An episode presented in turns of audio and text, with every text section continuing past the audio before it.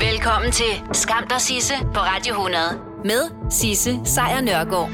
Ja, velkommen til. Det her, det er som bekendt bare en podcast. Hvis du vil høre The Real Deal, så er det hver dag 12-15. Men nu har jeg altså samlet det, som jeg synes, der er skamløst godt fra sidste uges program i en podcast til dig. Hey, det var så lidt. Skam der Sisse på Radio 100 præsenterer Skamløse fornøjelser. Skal du have en, øh, en burger, så skal du have en burger. Sådan føles det i hvert fald øh, ofte om søndagen. Altså man kunne virkelig, virkelig, virkelig godt have noget med salt i. Men i USA, der har det igennem en lang overrække nærmest været øh, dagligdag, at man skulle spise burger hele tiden, og det gjorde også, at rigtig mange mennesker blev rigtig tykke. Og det fik de amerikanske myndigheder til at reagere for en, øh, en del år siden, og så indførte de kalorietabeller. Det vil sige, når man stod og kiggede op på de flimrende skærmer med alt muligt øh, lækker øh, øh, burgersnask, jamen så var alle billederne af de her juicy, saftige burger flankeret af et lille skilt, hvor der stod, det her det kommer til at koste 1000 milliarder kalorier. Så øh, det kan du bare lige overveje, om det er det værd. Det var der faktisk folk, der begyndte at overveje. Det viser en stor amerikansk undersøgelse, hvor de har overvåget 50 millioner restaurantbesøg på godt 100 forskellige fastfood-steder i den periode lige efter, at der var blevet introduceret en øh, kalorieinformation for hver slags mad, du købte. Fordi de besøgende valgte faktisk i gennemsnit menuer med 60 kalorier mindre, efter at der var kommet kalorietabeller på. Og det var jo fint. Altså, 60 kalorier er bedre end 0 kalorier, hvis det går i den modsatte øh, retning. Ja, du, du ved, hvor jeg vil hen. Men det, der så skete, det var, at efter et års tid, så blev de ligeglade. Så blev de ligeglade igen, så vidste de godt, okay, der kommer ikke til at ske noget alligevel, for jeg lever jo af burger morgen, middag og aften, så jeg kan jo lige så godt bare spise dem ordentligt, og så bare dø lidt før tid. Jeg ved ikke, om det er det, de har tænkt, men i hvert fald så holdt effekten ikke. De øh, var tilbage efter et år på det gennemsnitlige øh, antal kalorier per måltid, og så var det ligesom over. Så kan man tænke, jamen var der ikke noget, der var... Altså, hvorfor så? Hvorfor så have de kalorietabeller? Hvorfor overhovedet øh, lave det store palaver ud af det? Well, der er faktisk en god ting, og der er en god årsag til, hvorfor man også skulle overveje at få dem op herhjemme. Og den årsag, den kommer nemlig fra kraftens bekæmpelse. Og det har egentlig ikke så meget at gøre med forbrugeren. Fordi forbrugeren vil jo stadigvæk stå og tænke, ja, yeah, men jeg skal jo have den bøger under alle omstændigheder. Nej, det er faktisk noget, der får et incitament for dem, der laver burgeren, til at gøre den mindre fed. Øhm, projektchef i kraftens bekæmpelse, hun hedder Gitte Laub Hansen, hun siger, at øh, for det første er det noget, vi har ret til at vide, altså hvor mange kalorier der er i. Det er umuligt at gætte, hvor mange kalorier der er i et færdigt måltid. Men derudover, så har det faktisk også effekt på noget helt andet. Det giver nemlig restauranten et incitament til at lave mindre kalorietunge retter. Og det mener kraftens bekæmpelse altså er et skridt i den rigtige retning, som vi så kan tage for at få en mindre fedmefremmende fremtid. Så, når du stiller dig ned og kigger på burgeren, så kan det være, at den burger for 10 år siden måske lige var 100 kalorier tungere, men fordi de gerne vil konkurrere, så bliver den mindre fed. Og det betyder, at der er mere burger til dig for de samme penge fremover. Ved du hvad? Det var så lidt. Hvis du tænker, at vi danskere bare er de fedeste mennesker i verden og burde få en masse venskaber med folk hele verden over, jamen så må jeg desværre øh, skuffe dig. Øh, fordi sådan er det ikke. Der er altså en grund til, at øh, tv-serien Friends aldrig nogensinde optog et gæsteafsnit her i, øh, i Danmark. Nu er jeg udover det åbenlyse, at det nok vil være et rimelig elendigt afsnit. Men vi danskere er åbenbart elendige til at knytte venskaber. I hvert fald med mennesker, som har valgt at bo i Danmark. En undersøgelse blandt tilflyttere fra udlandet i 64 forskellige lande, altså de her såkaldte expats, folk, der kommer for at arbejde her, folk, der kommer for at, at blive gift her, alle de her ting, altså, øhm, har for tredje år i træk placeret Danmark helt i bunden, når det kommer til venlighed og venskaber. Danmarks overordnede placering i den her undersøgelse er nummer 48 ud af 64. Og der kan du så tænke, jamen det er da ikke, det er da ikke helt skidt. Og nej, det er det ikke. Øh, en af årsagen til, at det ikke er helt skidt, det er, at øh, vi har gode muligheder for øh, familieliv, vi har høj digitalisering, og sikkerheden i, i Danmark er høj, og det har så reddet os fra en absolut bundplacering. Men hvis man kun fokuserer på det sociale, så ser det straks helt anderledes ud. I kategorien, hvor nemt er det at falde til, jamen der ligger Danmark nummer 63, kun undergået, om man vil, af Kuwait. Altså, folk vil hellere bo i Danmark end Kuwait, men så heller ikke andre steder. Og det er altså især den her mulighed for at, øh, at knytte venskaber, som trækker Danmark helt ned i regnskabet. Det er her, vi indtager sidste pladsen.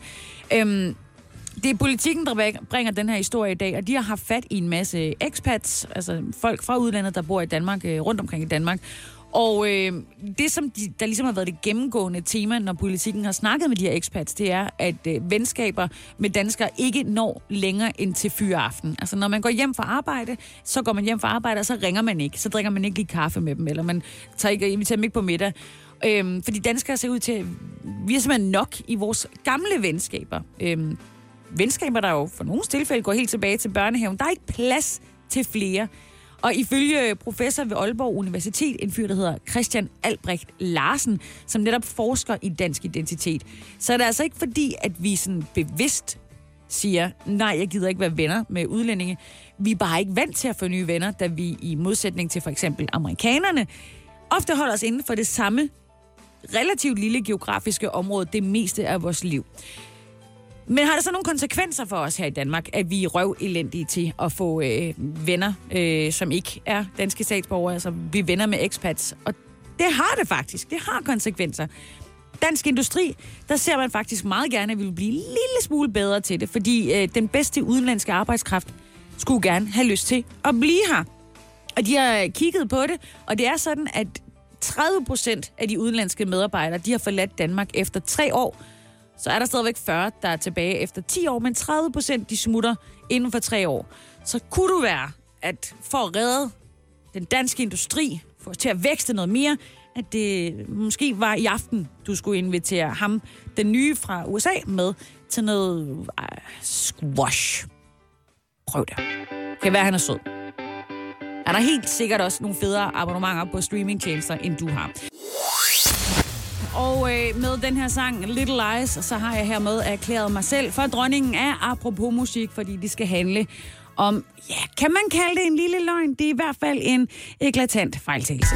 Skam dig, Sisse, på Radio 100 præsenterer dagens skamløse øjeblik. Fordi i går, der kom det nemlig frem, at Aarhus Universitet havde øh, set øh, fem års rapporter fra Fødevare- og Jordbrugscentret DCA igennem. Og der kunne de altså se, at eksterne partners roller og i øvrigt dermed også bidrag i øh, flere rapporter var, hvad kan man kalde det, utilstrækkeligt varedeklareret. Øhm, altså mennesker med andre interesser end nødvendigvis det bedste for dig og mig, har haft mulighed for at pille i øh, evidens, altså viden, uden at vi, der skulle drage nytte af den her viden, ved det. Ja, og hvis der ikke er fuld transparens, altså hvis der ikke er fuld gennemsigtighed, så kan man som øh, udenforstående kom til at tvivle lidt på, om forskernes integritet er i orden. Det er de godt klar over på Aarhus Universitet. Det har de også været ude at sige. Øh, Kurt Nielsen, som er prodekan for vidensudveksling, han har i hvert fald været ude at sige, vi kan godt se det. Det er ikke helt i orden. Alt det her, det begyndte tilbage i september, hvor Aarhus Universitet måtte trække en øh, rapport fra lige præcis DCA tilbage. Øh, så den var lavet samarbejdet med øh, DTU, Danmarks Tekniske Universitet, og den handlede om oksekøds klimabelastning. Men den levede ikke helt op til universitetets standarder, og det gik især op for dem, da Dagbladet Information havde øh, afdækket, at interesseorganisationen Landbrug og Fødevare havde skrevet afsnit i den her rapport, der handlede om oksekød og klimabelastning, og derfor også havde påvirket en pressemeddelelse om resultaterne. Det var meget, meget pinligt, som man siger, og øh, det fik også i øvrigt lederen af Institut for Agroøkologi på Aarhus Universitet til at trække sig fra sin post, hvilket nok egentlig var meget smart. Men Selvom at Aarhus Universitet nu har kigget fem år tilbage og også har konstateret, at der er alvorlige mangler i andre rapporter, faktisk tre andre, så er der ikke nogen af dem, der bliver trukket tilbage. Det er sådan, at universitetets forskere står fuldt på mål for deres metoder, resultater og konklusioner. Det siger de i hvert fald i den her pressemeddelelse. Også selvom, at der kan være lidt problemer med transparensen. Fordi for eksempel i et af de her tilfælde, så er det ikke blevet deklareret, at en af forfatterne øh, til rapporten er fra Sigis, som er en virksomhed under Landbrug og Fødevare. Der var den igen. I nogle andre tilfælde, så bliver det ikke anført, at den eksterne styregruppe har haft mulighed for at kommentere rapporten, og hvilke ændringer det så også har medført. Og i en anden en, der mangler der så desuden et forord, så man ikke kan se, hvem der har betalt for gildet. Ah, nå. Når de her øh, rapporter ikke bliver trukket tilbage, så hænger det ifølge universitetet sammen med, at de efterfølgende, altså rapporterne, er blevet øh, udsat for en kritisk gennemgang af andre forskere. Det er det, der hedder peer review. Og rapporterne har, kan man kalde, overlevet den gennemgang. Og det ændrer altså ikke ved øh, i øvrigt, at der er flere problemer, der skal løses. Det siger universitetet også, men øh, mens de ser på det, så kan de samtidig også konstatere, at de ikke har tænkt sig at arbejde mindre sammen med erhvervslivet. Fordi det er erhvervslivet, der betaler gildet, fordi der ikke er råd til andet PT. Det er et meget trængt forskningsmiljø. Så hvad kan man gøre, hvis nu for eksempel at Landbrug og Fødevare, de siger, I må ikke skrive grimt om oksekød, men I har lov til at få alle de her millioner til at forske for. Hvad gør man så som forsker? Det er der nogle politikere, der selvfølgelig har et bud på. Når de her vigtige rapporter fra Aarhus Universitet, de kommer øh, ud, og de ligesom sætter dagsordenen for det, vi skal diskutere, jamen så er det også vigtigt, at de er lavet af uvildige forskere, som altså ikke er købt og betalt af erhvervslivet. Vi skulle jo nødt have endnu en sag om en forsker, som er, mm, lad os bare sige, betalt af sukkerindustrien til at så stå og sige, at sukker slet ikke er farligt, men at fedt er den rigtige menneskedræber, som det jo er sket førhen en, en gang. Øhm, men som det ser ud nu, så er der ret trænge kår for forskning herhjemme. Pengene strækker ikke langt, og øh, derfor så er det, at erhverv, erhvervslivet kommer ind og siger, at her er nogle penge til at forske for. Og så er der jo et eller andet sted lidt baks, lidt problem, fordi når man betaler gildet, hvor meget må man så sige? Øhm, det er jo det, der er øh, tricky. Og for nylig, der måtte Aarhus Universitet jo også netop trække en rapport om lige præcis oksekøds klimabelastning tilbage, fordi der var ret stor tvivl om, hvorvidt landbrug og fødevare egentlig havde lavet rapporten mere eller mindre. Men fremover, så skal forskere anonymt kunne henvende sig hos et nævn, hvis der er nogen, der forsøger at påvirke deres forskning i en anden retning end den, som forskningen selv går i. Så lyder det i hvert fald for enhedslisten, som nu vil til at oprette en såkaldt whistleblower-ordning for forskere. Det lyder jo øh, meget legit. Øh, det er deres forskningsordfører, Maja Villassen, som er ude at sige, at øh, vi desværre har set adskillige gange, at forskere er blevet presset til at skrive ting i deres rapporter eller kommunikere visse ting ud offentligt. Og det er så skadeligt for vores samfund, for vi skal kunne stole på den forskning, der foregår. Det siger hun altså, øh, efter det er kommet frem med, med de her yderligere øh, tre rapporter, som Aarhus Universitet i går var ude at sige, guys, der kan muligvis være noget her, som I heller ikke kan lide. Maj Villassen mener i øvrigt også, at der vil komme flere sager frem, øh, hvis det er, at forskerne får lov til at henvende sig anonym, fordi nogle gange så kan det være rigtig svært at gå til sin ledelse og sige, at man føler sig presset. Særligt hvis midlerne jo lige præcis øh, kommer til ledelsen fra nogle forskningsmiljøer øh, udenfor, eller fra erhvervslivet uden for forskningsmiljøerne, så kan det være svært at sige, jeg vil ikke have de her penge, eller jeg vil gerne have pengene, men jeg vil gerne have, at de holder op med at blande sig. Og det er derfor, at øh, de nu mener, at det her er en løsning, altså en whistleblower-ordning for forskere, så der ikke er erhvervsliv eller politikere, der kommer og blander sig i, hvad det er, der skal stå i rapporten. Øhm, partiet foreslår derudover at lade nævnet for videnskabelig uredelighed det lyder som noget fra en Harry Potter-film, men det er det ikke. Den eksisterer, den er god nok. Videnskabelig uredelighed. Øh, administrere den her ordning, og så øh, tage forslaget med til forhandlingerne her, som der er i gang, altså finanslovsforhandlingerne med forskningsministeren. Og så må vi jo så se, om forskningsministerens kalender nu fremover kommer til at vise rigtig mange frokoster med alle mulige top-tunede typer med masser af penge fra erhvervslivet. Vi ved det ikke, endnu. Hvad er et navn? Jamen altså, dufter en rose ikke på samme måde, om den havde et andet navn, for lige at køre den helt shakespeariansk ind i dag. Det skal handle om øh, klimaministerens klimaministerium. Fordi ordet klima er blevet rykket helt frem, så det der tidligere hed Energi, Forsynings- og Klimaministeriet, det hedder nu Klima, Energi og Forsyningsministeriet. Det er noget, som Dan Jørgensen, vores øh, klimaminister, har besluttet sig for, at det var den eneste rigtige måde at fortsætte på, hvis han altså skulle helt frem i bussen rent klima-wise. Og hvad koster sådan en lille ændring af ordene? Fordi det er jo reelt set bare, at man rykker klima fra sidst i sætning op forrest i sætning. sætning. Og det, det burde jo ikke være dyrt. Men det er det. Den lille bitte ændring, den har kostet os 141.256 kroner og 20 øre. I kid you not. Det er noget, der står i et svar, som klimaministeren har givet øh, Folketingets øh, klima-, energi- og forsyningsudvalg her den 1. november, og som Ekstrabladet altså har en fest med i de her dage.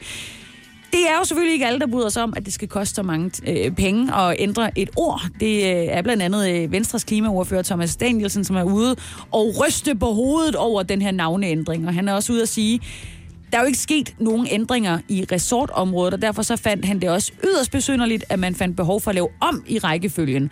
Han synes også, det er tåbeligt at bruge så mange penge på det, og det er fros med skatteborgernes penge. Og der kan man godt være sådan lidt, mm, ja, det er også ret mange penge for at rykke et ord. Det var ham, der tilbage i øh, begyndelsen af oktober bad øh, Dan Jørgensen om ligesom at redegøre for omkostningerne ved det her øh, stykke navneændring. Og nu har han altså svaret. Han har ikke bare svaret, at det hele beløber sig til de her over 141.000 kroner. Han fortæller faktisk også, hvad de her penge er brugt til. Så hvad er det så, der koster så mange penge? Well, de skal blandt andet have nye kuverter og kort. Det koster 20.230 kroner. Så er der nogle skabeloner, der skal opdateres. De koster næsten 30.000. Logoer og domæneskift koster 5.500. Så er der noget ændring af noget intranet. Det koster 3300. Et visitkort. De koster 600 kroner. Ændringer hos statens IT, jamen det koster alene 82.171 kroner. Og så er der altså et nyt domæne til 45 kroner. I alt så bliver det altså over de her 141.000 kroner. Ekstrabladet har selvfølgelig forsøgt at få fat i øh, klimaminister Dan Jørgensen, men han øh, mener ikke, det er nødvendigt at snakke yderligere om det, og henviser i øvrigt til det svar, han har givet til forsyningsudvalget. Øh, undskyld, klima Energi- og Forsyningsudvalget, og mener ikke, at der er grund til at tale mere om den fadese. Andre mener så i øvrigt, at det her er det absolut mindst af, hvad det har kostet. At det reelt set er meget mere end 141.000 kroner, der slet ikke er blevet talt mandetimer oveni, og så videre, og så videre. Men ikke, ikke øh, på nogen måde anderledes er det. I hvert fald fremover, at du skal til at rykke, når du tænker på Dan Jørgensen. Øh, forsyning og energi og klima, der skal klima altså stå forrest. Guderne skal vide, du har betalt for det. Skam dig, Sisse, på Radio 100 præsenterer Skamløse fornøjelser. Og jeg ved da egentlig ikke, hvorfor jeg ligefrem skulle sådan ned og snakke sådan her om Michael Jackson, når det er... Jeg tror, der er noget at gøre med, at jeg skal til at synge nu. Ja, det skal jeg. Og, og det skal jeg simpelthen, fordi at jeg ikke øh, kan lade være. Det er en, øh, en det, det ligger bare lige for. Må man tage hunden med sig hjem for ferie? Den er sød, og den har været bedste ven. Jeg tror ikke, den har rabies, men den snakker lidt for sjov. Hvis man må du, kære dyrlæge, så bliver jeg glad. Det er, øh, jeg kunne ikke lade være. Og det skal nemlig handle om alle de her skide søde hunde, som vi møder, når vi er på vores ferie rundt omkring i, øh, i verden. Vi elsker dem. Vi elsker hunde. De er så nuttede. Ja, endda elsker vi dem så meget, at flere og flere danskere er begyndt at tage gadehunde med hjem fra ferie. Det er en ny undersøgelse fra Københavns Universitet, som anslår, at danskere har adopteret over 5.000 udenlandske gadehunde siden 2001. Men må man tage hunden med sig hjem? Nej, det skal man ikke. Det skal man ikke. Og det er altså ikke bare noget, jeg siger. Det er noget, der er rigtig mange myndigheder, der, der, der også siger. Fordi det kan godt være, at de er så nuttede og det er så synd for dem. Men det er altså sådan, at dyrlægerne er så bekymrede for øh, den her tendens, fordi hvad der kan synes som en god gestus, og som også virker en smule ind, jeg mener, Linse Kessler har gjort det, Silas Holst har gjort det, det kan altså være en katastrofe for alle de andre hunde herhjemme. Fordi hundene her, man tager med hjem, ved man ret beset ikke, om de er smittet med for eksempel hundegalskab. Det er ikke bare noget, jeg siger. Professor Søren Saksmuse Nielsen, der er en af forskerne bag den her undersøgelse, han siger, at næsten alle de 173 dyrlæger, som svarede på det spørgeskema, som var hele belægget for den her undersøgelse, mener, at der er en grund til at bekymre sig om, om de her gadehunde bringer eksotiske sygdomme med sig til Danmark. Næsten lige så mange dyrlæger svarer også, at de tidligere gadehunde øh, har flere adfærdsproblemer end hunde, der kommer herhjemmefra. Altså, de er dybt kukuk. Sidste år, der gik de så vidt i Norge, at de sagde, det kan I godt glemme. I må ikke få hunde med hjem, I må ikke adoptere dem, ikke medmindre de har været i privat varetægt i mindst et halvt år forinden. Altså, at man ved, at de ikke er blevet slået, misbrugt eller har diverse sygdomme. Og herhjemme, der mener dyrlægeforeningen, altså ikke de mennesker, der står bag rapporten, men dyrlægeforeningen, at vi bør gøre det samme i Danmark. Fordi det er svært at dokumentere for hundenes reelle sundhedstilstand forud for, at man smider dem på et fly og får dem hjem til sin hovedgade. Øh, derfor så mener de også i øh, Dansk Dyrlægeforening, at det her med et øh, dansk forbud er den eneste løsning på de her sundhedsmæssige problemer, som de her nuttede gadehunde kan tage med os hjem. Åh oh, ja. De mener desuden også, at de herreløse hunde, det er et lokalt problem. Så hvis der er en mega sød hund på din tur til Tyrkiet, jamen så find nogen i Tyrkiet, der kan tage sig af den, og lad være med at tage den med hjem. Fordi der er også rigtig mange hunde herhjemme, der ikke har noget hjem. Så gå ned på internatet og få stillet din lyst der. Men derudover, rigtig god ferie. Du vil bygge i Amerika? Ja, selvfølgelig vil jeg det. Reglerne gælder for alle. Også for en dansk pige, som er blevet glad for en tysk officer. Udbrændt til kunstner. Det er jo sådan, at direktør Conradsen, han ser på mig. Jeg har altid set frem til min sommer. Gense alle dem, jeg kender. Badehotellet. Den sidste sæson. Stream nu på TV2 Play. Haps, haps, haps. Få dem lige straks. Hele påsken før, imens billetter til max 99. Haps, haps, haps nu skal vi have... Orange billetter til max 99. Rejs med DSB Orange i påsken fra 23. marts til 1. april. Rejs billigt, rejs orange. DSB, rejs med. Hops, hops, hops. Radio 100 præsenterer Skamløse fornøjelser. For dig, der er der altså rigtig lang tid til fredag. Men hvis du arbejdede på Microsoft i Japan, vil der lige nu kun være to dage til weekend. Fordi tilbage i august, så tog øh, Microsoft hul på et lille eksperiment i Japan. Hver fredag i en måned, der lukkede man sin kontor ned i hele landet, og så bad man medarbejderne om at holde en ekstra fridag. Det var i sig selv lidt opsigtsvækkende i et land, hvor øh, arbejdsdage på over 12 timer er hverdagskost, og hvor folk dør af overarbejde. Men resultatet af Microsofts eksperiment var mere end opsigtsvækkende. Det var en succes. Fordi mens øh, medarbejderne brugte langt mindre tid på arbejdet, så røg produktiviteten målt på salg per medarbejder op med næsten 40 procent sammenlignet med den samme periode året for inden. Cheferne på Microsoft-kontorerne, de gav ikke kun medarbejderne fri, de opfordrede dem faktisk også til at mindske tiden, som de skulle bruge på møder, og øh, som de skulle bruge på at svare på e-mails. Møder måtte ikke vare længere end 30 minutter, og skulle så erstattes med en online chat i så fald. Og over 90 procent af Microsoft øh, 2.280 medarbejdere har efterfølgende sagt, at de her nye regler har haft effekt på deres liv. Og samtidig med, at medarbejderne blev gladere, jamen så sparede man faktisk også penge på elregningen og på sådan en masse andre udgifter i forbindelse med driften af de her kontorer under lukkedagene. Og det her, det er altså big news fra et land, som længe har været altså nærmest verdenskendt for sin benhårde arbejdskultur, der ikke har skyggen af work-life balance. Der er altså et ord for det fænomen, man oplever i øh, Japan, når man dør af overarbejde, og det hedder karoshi. Det betyder død ved overarbejde eller stressrelaterede sygdomme eller svære depressioner. Og det er en real deal. Juleaftensdag tilbage i 15, der begik en medarbejder øh, ved en, øh, en stort firma selvmord. Øh, det kom senere frem, at han havde taget så store mængder overarbejde på sig, at han simpelthen ikke kunne magte. Et par år senere, der døde en medarbejder på en japansk tv-station. Hun havde i måneden op til sin død haft 159 timers overarbejde. Og en undersøgelse fra 16 viste i, øh, ifølge det amerikanske medie CNBC, at næsten en fjerdedel af de øh, japanske virksomheder, de kræver, at deres medarbejdere skal tage mere end 80 timers overarbejde hver måned. Og endda uden løn. Et andet studie viste også, at japanerne i øh, gennemsnit ikke brugte deres øh, feriedage. De har 10 feriedage med løn, og 63 procent havde enormt dårlig samvittighed, hvis de overhovedet holdt fri med løn. Men skulle det så gøre japanerne mere produktive? Det skulle man tro, men det gør det ikke. Overhovedet, tal for OECD har vist, at Japan har den laveste produktivitet blandt øh, G7-landene. Så øh, hos Microsoft har man altså fået mere blod på tanden. Og man planlægger øh, endnu et øh, eksperiment med flere fridage her senere på året, og man vil øh, også bede øh, medarbejderne selv om at komme til forslag til nye øh, tiltag for at øh, forbedre den her balance mellem arbejde og familien. Og det fede er, for japanerne. Japanerne. Jeg vidste ikke lige, hvor jeg skulle lægge trykket. Men det ved de da heldigvis, at øh, regeringen har også lyttet og forsøger nu også at få resten af virksomhederne til at rykke efter. Så det er med andre ord virkelig en god nyhed fra Japan. Ikke sandt? Skam dig, Sisse, på Radio 100 præsenterer Skamløse fornøjelser. Jyderne strækker sig mod himlen i disse år, og godt for dem. Virkelig. Og går alt efter planen, så vil landets to højeste skyskrabere om få år knejse over den jyske hovedstad.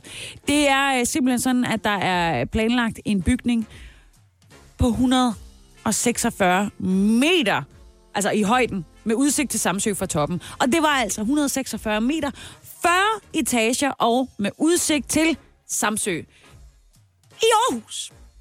Det er i hvert fald, hvad øh, visionerne er for det, der kan gå hen og blive Danmarks højeste bygning. Og står det til bygherren, så vil øh, skyskraberen knejse over Aarhus fra øh, 2024.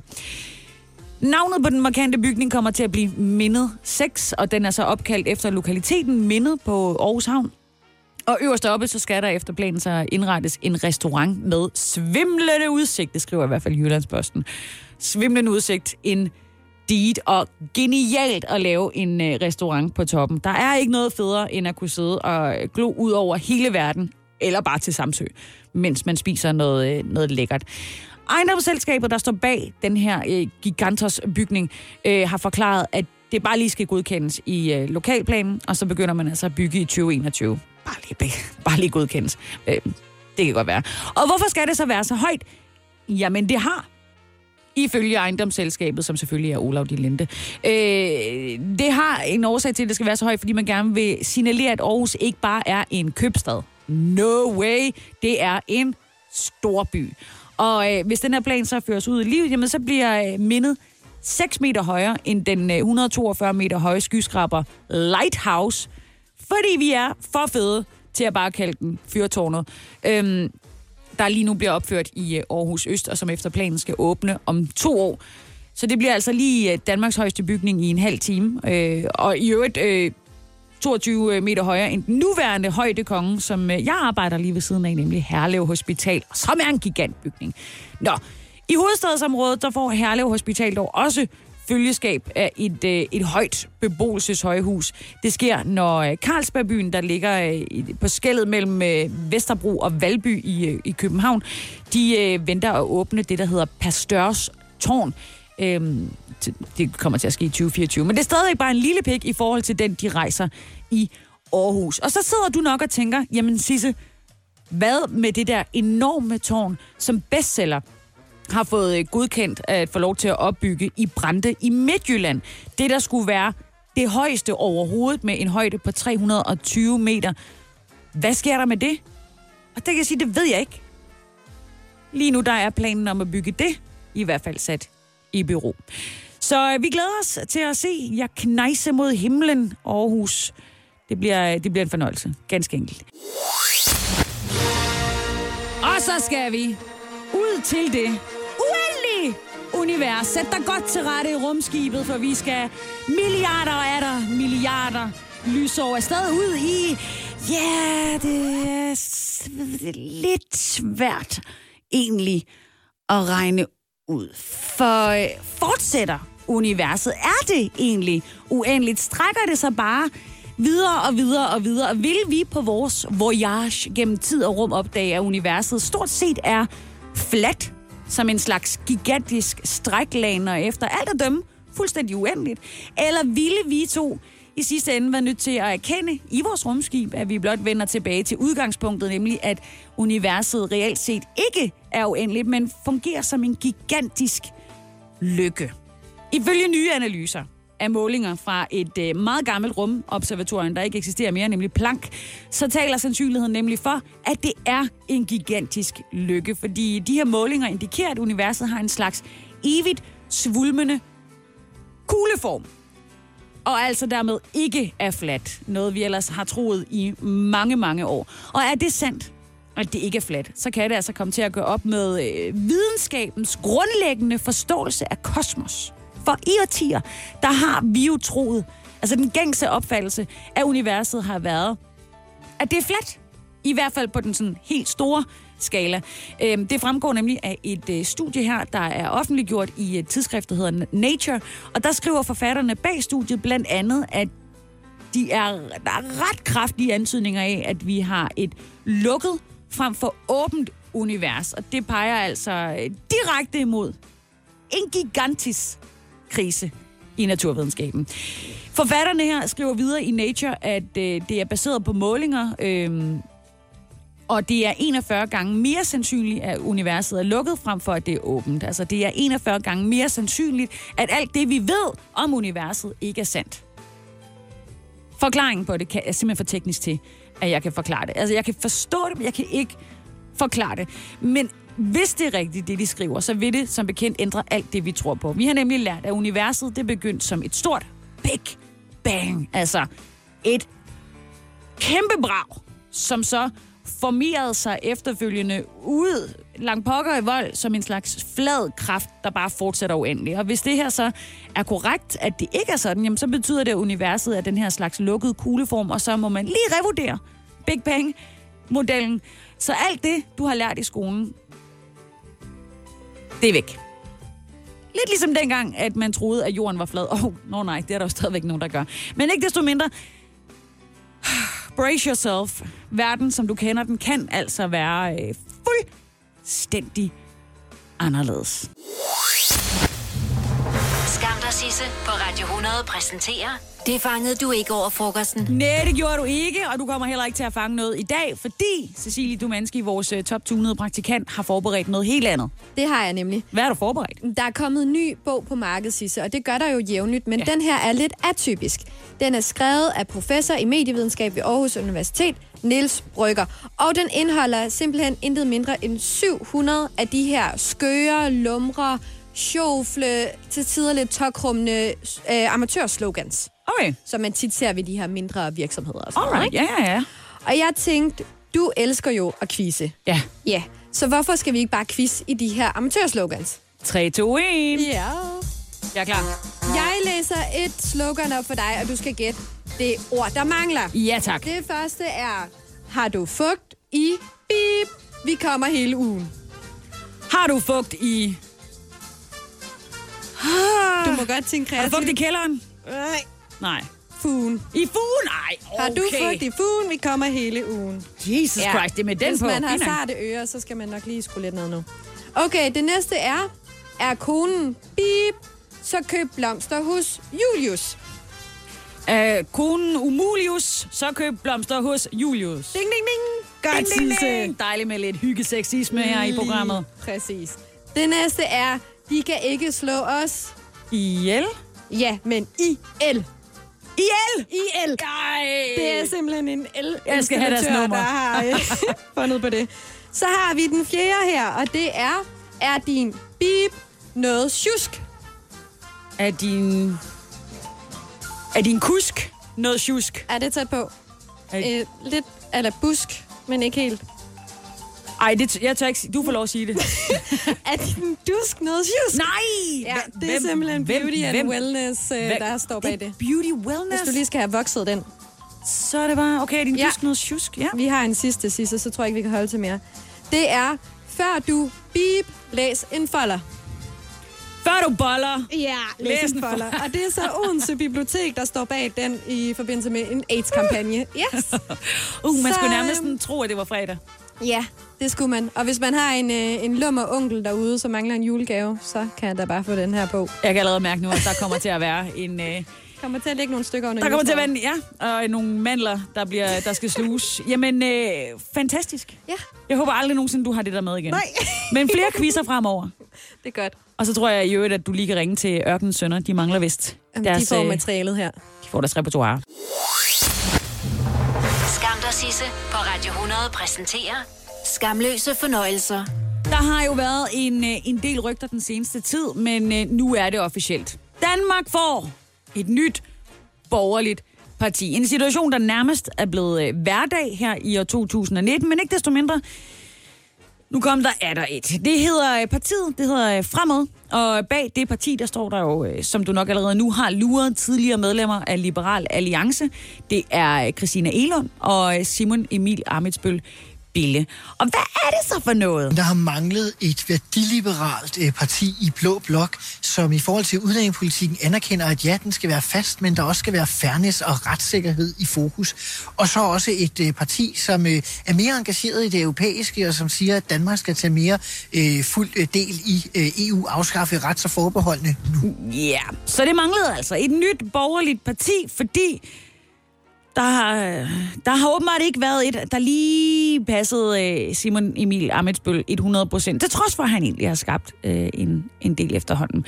Og hey, giv det 10 minutter, så ringer Nasser Carter sikkert og hører, om han kan være med i den her pulje. Nå, det bliver Simon Emil Amitsbøl Bille, der bliver formand for fremad, og Christina Elund, hun sætter sig så på øh, posterne som næstformand, og derudover også politisk ordfører. Og øh, Fremad har faktisk allerede en plads i Folketinget, i og med, at øh, Amitsbøl, han ligesom ved folkevalget øh, her tidligere i år, blev valgt ind for Liberal Alliance, hvor øh, Elo, hun så desværre mistede sin, nu siger jeg desværre, jeg ved ikke, hvad du stemmer, men hun mistede sit øh, mandat, så hun kan ikke få lov til at være med inde i, i Folketinget for tiden. Og hvordan er det så med Fremad? lander det så måske sådan lige lidt rigeligt op af radikale venstre, hvor øh, Simon Emil Amensbøl jo i øvrigt også trådte sin første politiske skridt. Øhm, nej, mener han. Han mener, at fremad og radikale er, er, er mega forskellige. Fordi for det første, så peger fremad øh, klart og entydigt på Jakob Ellemann som ny statsminister. Øh, det gør de radikale jo som bekendt ikke. For det andet, så synes... Øh, øh, fremad, at EU er blevet mere relevant, og de synes, at EU, øh, Danmark skal tage mere del i arbejdet. Og så er der nogle ting, som øh, ikke ændrer sig hos øh, Amitsbøl. Fremad går stadigvæk ind for en, øh, en mindre stat og lavere skat. Det er jo ligesom det, er det vi kender ham for.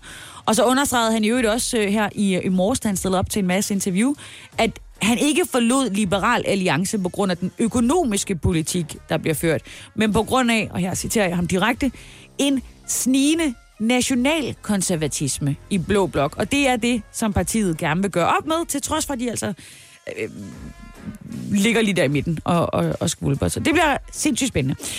De to partistifter, Amitsbøl og, og Elund, de mener jo ikke, at det skader deres troværdighed, at de med det her nye parti lægger øh, afstand til, til den tidligere regeringsbeslutning, øh, som de jo så selv var med til at, at træffe. Og der vil jeg gerne have lov til at bakke dem op, men man bliver jo klogere. Man skal ikke spørge en, hvad man mente for et år siden, fordi man ved jo meget mere nu. Så det, sådan er det.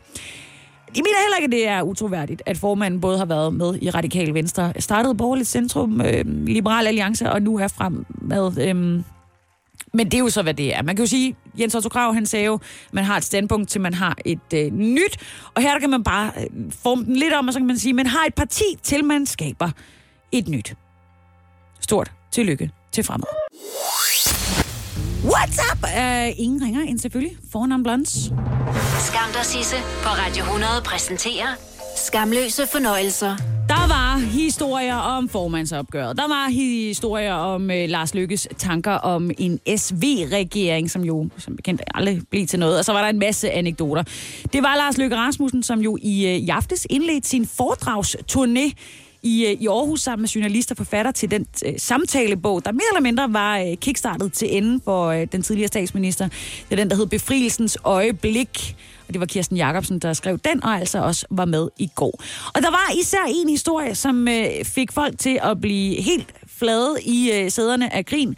Det er nemlig den, som Lars Lykke han fortalte om sin første samtale med Donald Trump, da han netop havde vundet det amerikanske præsidentvalg. Så der har jeg simpelthen været ude og stjæle med arme og ben, og det lød sådan her. Men altså, den, den, den bedste Donald Trump-anekdote, jeg har, nogen har måske hørt den før, det er, at han bliver jo valgt, og så er man det, der hedder president-elect. Og han sidder over i Trump Tower, og vi tænker, at vi må øh, hurtigere fat i den mand der. Så jeg kommer ret hurtigt igennem, og så får jeg Donald Trump i røret, og, øh, og, øh, og det er jo vældig godt. Uh, I love Denmark. Uh, it's a beautiful country. I love Tivoli. Tivoli is fantastic. Uh, og, sådan noget. og så har jeg så øvet mig på det, fordi at han har sådan en svigerdatter, der hedder Vanessa Trump, som er øh, halvdansk. Øh, hendes mor, øh, hun øh, spillede med i Pina Millionæren øh, med Dirk Passer, øh, hvor hun var sekretær for Dirk Passer. Hun sidder på skødet af Dirk Passer i øh, Pina Millionæren. Og, øh, og hendes øh, morfar, han hedder øh, Evans, og han var jazzkomponist tilbage i 30'erne. Og øh, alt det der øvede mig på, sådan icebreaker-agtigt. Og han vidste godt, at hans svigerdatter var dansk. Øh, Og så siger jeg, men hvad de måske ikke ved, det er, at hendes morfar var den berømte danske jazzkomponist Evans, som øh, skrev et hit tilbage i 30'erne, der hed Det bliver aldrig det samme igen.